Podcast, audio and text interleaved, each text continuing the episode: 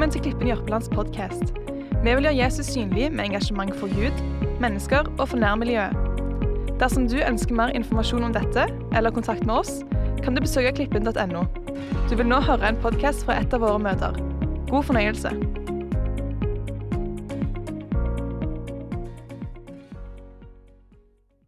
Håper du har det godt der du sitter, eller du sitter iallfall godt. Kjekt å se alle sammen som er her. Eh, Jeg skal ta så lese teksten som vi skal se litt på i dag. Så ønsker jeg bare å, å be i bønn før vi begynner å snakke litt om eh, dagens tema. Så i Filipperne 4, kapittel 4, vers 4 til 7 Jim begynte talen sin sist gang med å referere litt til disse versene. Så eh, i dag skal vi snakke enda litt mer om det. Så det kommer nok opp. Der står det Gled dere alltid i Herren. Igjen vil jeg si, gled dere. La alle mennesker få merke at dere er vennlige. Herren er nær. Vær ikke bekymra for noe, men legg alt dere har på hjertet, fram for Gud. Be og kall på ham med takk. Og Guds fred, som overgår all forstand, skal bevare deres hjerter og tanker i Kristus Jesus.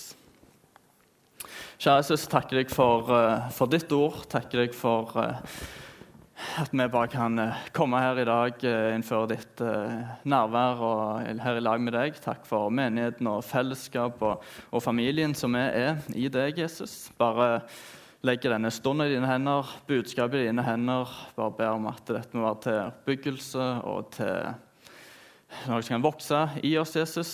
Eh, bare ber for eh, at jeg må klare å legge det fram sånn som du vil, på en måte som blir forståelig for alle Jesus.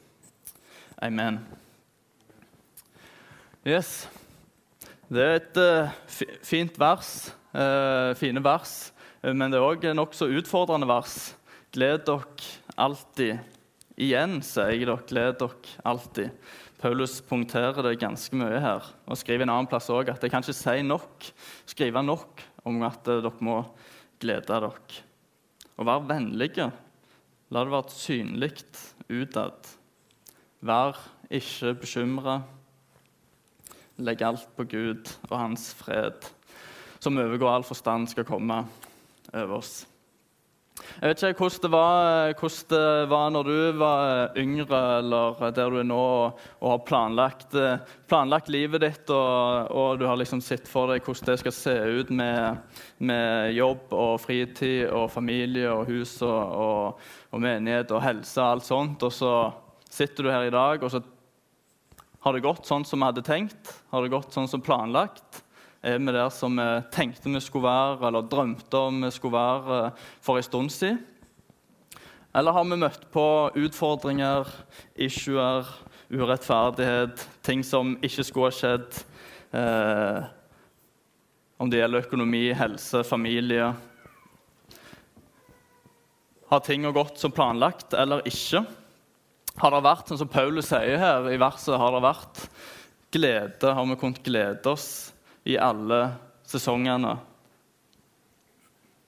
Og jeg synes Det er interessant det Paulus skriver, at han punkterer det sånn at uh, gled dere alltid. Og så skriver han andre plasser i Bibelen at jeg gleder meg i lidelsene. Han er veldig, han hadde et perspektiv der som er ganske fascinerende, som er ganske spennende, og som jeg tror er ganske utfordrende, men også ganske viktig. Hvordan er det egentlig mulig å si det til oss at eh, gled dere alltid? Det som er spennende er at Paulus sjøl hadde ikke akkurat noe lett liv. eller uh, Alt gikk nok ikke på roser for han heller. Han skrev dette her til Filippaen, så skrev han fra fengsel. Og Første gang han var i Filippi, uh, den menigheten han nå skriver brev til, så og så kom han og kompisen, og så ble de slått ned, de ble banket opp, de ble offentlig ydmyke, de ble hevna i fengsel.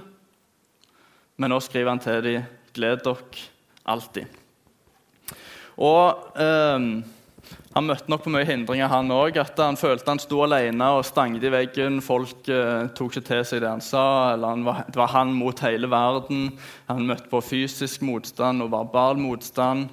Eh, men allikevel så er det så fascinerende og spennende og utfordrende at han sier dette til oss. Gled dere alltid.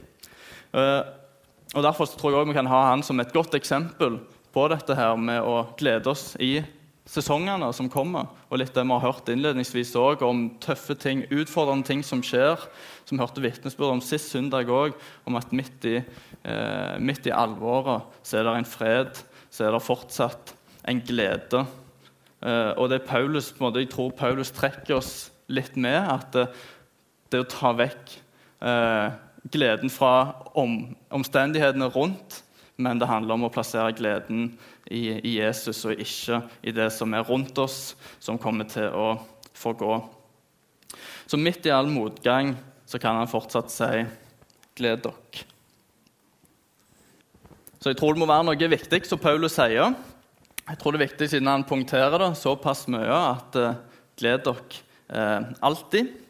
Og jeg tror det er enormt viktig å være fullt av denne gleden som han snakker om, og i forhold til vårt forhold og relasjon til Jesus, eh, men òg i møte med, i møte med vår, vår framtid, der vi, tinga ikke går alltid som planlagt, Uforutsett ting skjer, eh, og vi har ikke helt kontrollen, så er det fortsatt en glede i Jesus som overgår alt. Jeg tror det er det han oppfordrer oss til, Paulus, å glede oss i Jesus i hver sesong, og ikke nødvendigvis det som er rundt. Så vi skal ta oss og se litt på det, hvordan Paulus klarte dette her. Og ta oss og lese litt i Bibelen og se på hva som kan ha gjort at Paulus måte har sett at det er en glede som er så mye større enn det som er rundt. Hva var det han hadde sett eller erfart som gjorde at eh, han kunne utfordre eller oppfordre menigheten til å glede seg og ha gleden i Jesus? Jeg tror ikke helt at det er, jeg tror ikke helt at det er det som alltid vi her på jorda, oss rundt vårt samfunn, eh, måte trakter veldig etter det at gleden ligger i, i materielle, materielle, sant? i ting rundt oss. Det handler om, eh, om penger og, og, makt og mye sånt, men at det handler om å ha gleden i Jesus. Og Det tror jeg hjelper oss også til å ha et sunt forhold til det som skjer rundt oss, til det som eh, utfordringene vi møter. Men vi skal se litt på hvordan kan dette her ha sett ut, eh, og lære litt av Paulus. Så jeg skal gå inn på fire punkter. Og Vi skal allerede begynne med å lese litt fra, fra Romerne. Romerne kapittel 8, vers 35. Der skriver Paulus.: Hvem kan skille oss fra Kristi kjærlighet? Nød, angst, forfølgelse, sult, nakenhet, fare eller sverd? Så skriver han videre i 38 og 39. For jeg er viss på at verken død eller liv, verken engler eller krefter, verken det som nå er, eller det som kommer, eller noen makt, verken det som er i det høye eller i det dype, eller noen annen skapning skal kunne skille oss fra Guds kjærlighet i Kristus Jesus, vår Herre. Jeg tror Paulus hadde sett at uh, det er ingenting som kan skille han fra den kjærlighet som Gud har til han. Han visste at Gud elsket han, at han hadde sendt Jesus for å dø på korset, eh, for å stå opp igjen, leve i dag og gitt oss frihet. Og gitt oss et nytt liv, et evig liv. Og han har fått tilgitt det som han før hadde gjort. Han har blitt tilgitt til å leve et nytt liv.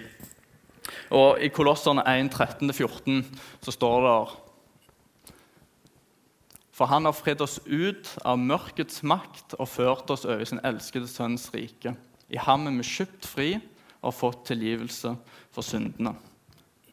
Jeg tror at uh, Paulus var så bevisst på dette her at uh, Jesus hadde dødd for ham. Han hadde fridd han ut, kjøpt han ut, ut fra mørket og inn i lyset. Han hadde fått tilgitt sine synder og ført over i Jesu rike og få leve i det. Og jeg tror han også visste at eh, Hvis han så tilbake på hans liv, hvordan hans omvendelse Og få se Jesus elske han gjennom det For han var på vei til Damaskus for å ta kristne, stoppe dette evangeliet, at det spredte seg. Han skulle eh, fange de kristne og ta dem og banke dem og hive dem i fengsel og sette en stopper for at Jesus ble forkynt og ble spredt rundt. Og så kan han allikevel se tilbake på der Jesus møtte han, og se tilbake på hvordan hans omvendelse, hvordan han har fått tilgivelse for sine synder, hvordan han får leve et nytt liv. Og jeg tror han tydelig så gleden i det når han så bak. Men så er det ikke bare det som, var, som har skjedd, som han er takknemlig for, som han er glad for. Men det er òg en evighet lenger framme. Jeg tror Paulus han har et evighetsperspektiv på det han gjør, og han lufter blikket sitt og ser eh, fram gjennom, forbi de utfordringene som, eh, som er. Og Jeg tror han legger gleden i at det er noe bedre som venter. Det er noe større som venter. Og i Romerne 8, 18 så skriver han Jeg mener at det vi må, nå må lide i tiden som er nå, ikke kan regnes for noe mot den herligheten som en gang skal åpenbares og bli vår. Det som nå skjer, det som nå er, det som er kjipt her, hva er det i forhold til det som vi en gang skal oppleve? Han lufter blikket, og så ser han fram at det er, en, det er et liv på jorda i lag med Jesus, mens det er en evighet enda lenger framme. Og jeg vet ikke om dere har sett en sånn en illustrasjon. det er ikke jeg som har funnet på den. Uh, det er noen som har en sånn en tau. Så ser du for deg at den tauen den går for evig. Den går rundt og rundt i jorda og stopper aldri. Og så er det et lite merke her i tuppen, som er vårt liv. Og så har vi hele, en hel evighet. Og så, og så, ser jeg for meg Paulus nå, at han sitter og peker på den lille beden. Hva er det i forhold til det som en gang skal komme mot den herligheten i himmelen i lag med Jesus. Og jeg tror han eh, finner en glede i det og å kunne lufte blikket ut fra de tingene som nå skjer, og videre fram gjennom. Og Det er spennende hvordan han eh, på en måte har dette perspektivet på evigheten. Og Jeg tror det kan være veldig inspirerende for oss òg. Både når det gjelder glede, men òg i, i hvordan vi har det her på jorda i forhold til i forhold til det som snakket om at eh, jaget her på jorda. For Jesus sier, sier i Bibelen at, eh, at alt på verden skal få gå. Ikke samle dere skatter her, her som møll ødelegger og tyver stjeler. alt på jorda skal få gå. Samle dere skatter i himmelen. Der skatten din er, der vil òg hjertet ditt være. Og Det er òg en utfordring til oss, syns jeg sjøl og legge at min skatt og mitt hjerte eh, ligger mot evigheten, det som er større enn det som kun er rundt. At det ikke ligger i det materialistiske, i det samfunnet sier at vi må og må gjøre og må ha. Men det er noe som er større. Det er et evighetsperspektiv. Og vi får òg lov til å være med og gi det videre. Få være med og så inn når vi forteller våre venner om Jesus. Når vi er med og forteller ungene på søndagsskolen om Jesus, så får vi lov å være med og så inn det i andre menneskers liv òg. At andre òg skal få lov til å ta del i evigheten. Men det betyr ikke at eh, Paulus lå på latsida, og at han tenkte det blir bedre lenger framme. Vi får bare få tida til å gå. Men han var lidenskapelig opptatt av å, av å gjøre det som Jesus kalte han til her på jorda. Han hadde et oppdrag han først skulle gjøre her. Han hadde, han hadde et kall her først. Det var noe han måtte gjøre ferdig. Jesus sa til disiplene før han reiste, gå ut og gjør disipler. Lær de det jeg har fortalt dere. Og jeg tror Paulus han var opptatt av at han skulle få med andre. Han skulle få lov å dele det beste han hadde. Det som eh, eh, Denne kjærligheten som Gud har, som ikke kan skilles fra og fortelle det til andre, og la andre òg ta del i evigheten. Og andre òg få bli frelst og bli satt fri eh, fra mørket. Og Han sier i Kolosserne 1, 24, 29 og 20 Nå gleder jeg meg over mine lidelser for dere, og det som ennå mangler Kristi lidelser, det utfyller jeg med min egen kropp. Jeg lider for hans kropp, som er kirka. Jeg er blitt en tjener for kirka i kraft av den forvalteroppgave Gud har gitt meg hos dere, å fullføre tjenesten med Guds ord. Det mysteriet som har vært skjult gjennom alle tider for alle slekter, men som nå er blitt åpenbart for Hans hellige. Gud ville kunngjøre for deg hvor rikt og herlig dette mysteriet er for folkeslagene.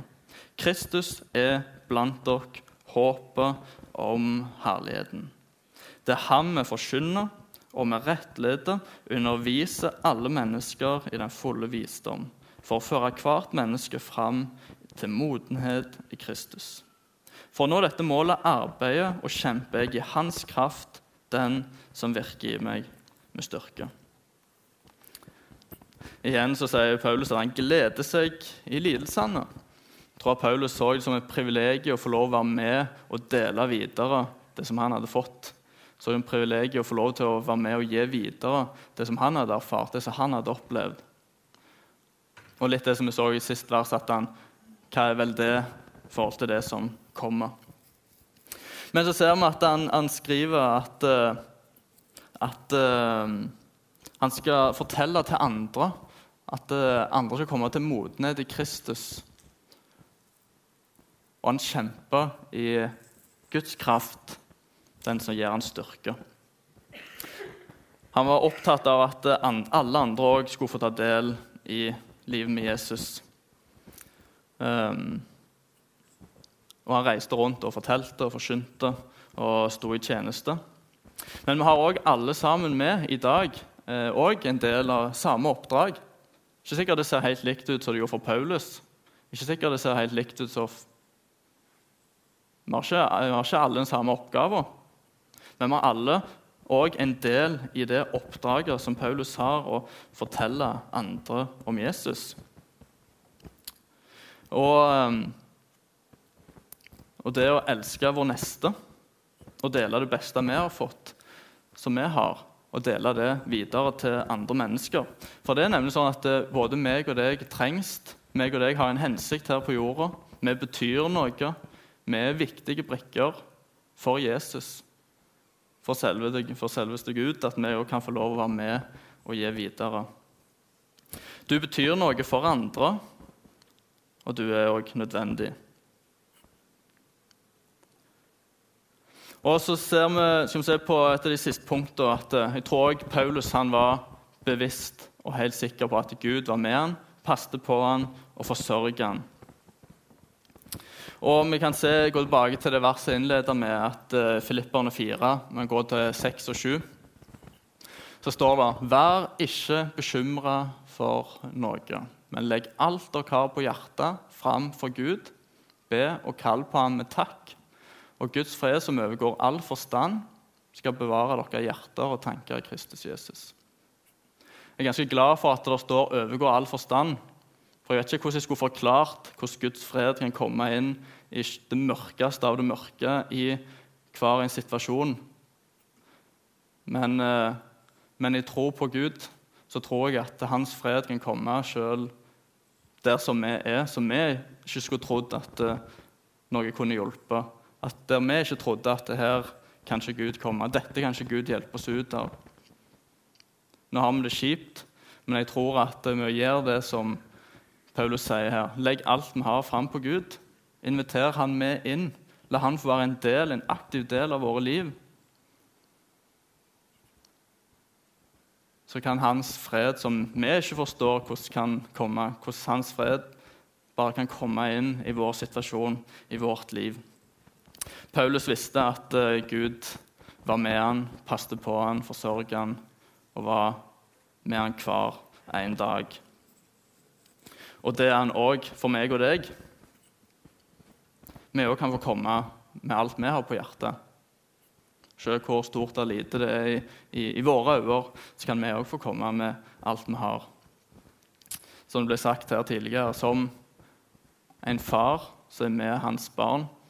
Vi kan være så ærlige som vi vil, og bare spørre vår far om hjelp. Og det visste Paulus. Han visste at Gud var med han. At Gud passet på han og forsørget han.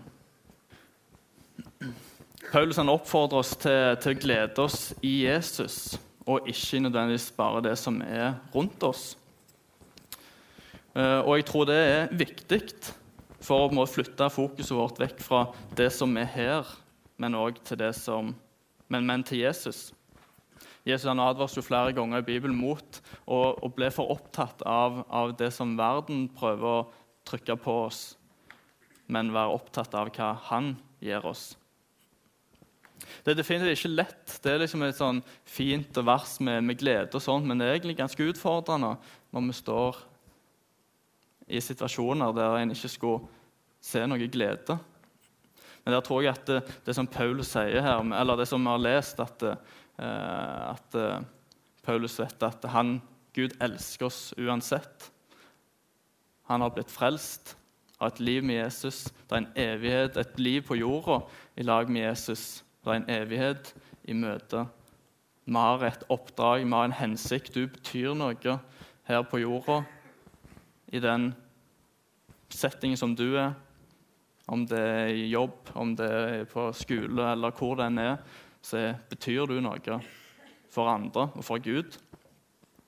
Og Gud passer på oss, forsørger oss og vil være en aktiv del av våre liv.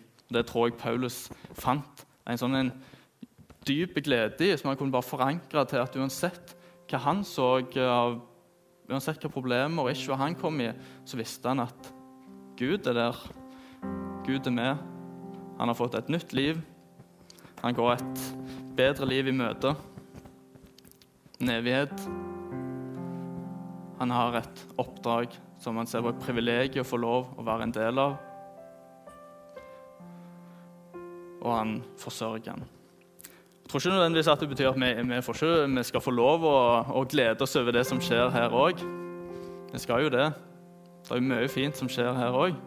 Og, og, vi skal jo få lov å glede oss over det vi har. Men jeg tror det Paulus sier, at den virkelige gleden, den dype gleden, å forankre den Jesus, i det han har gjort, og i det han er for oss i dag.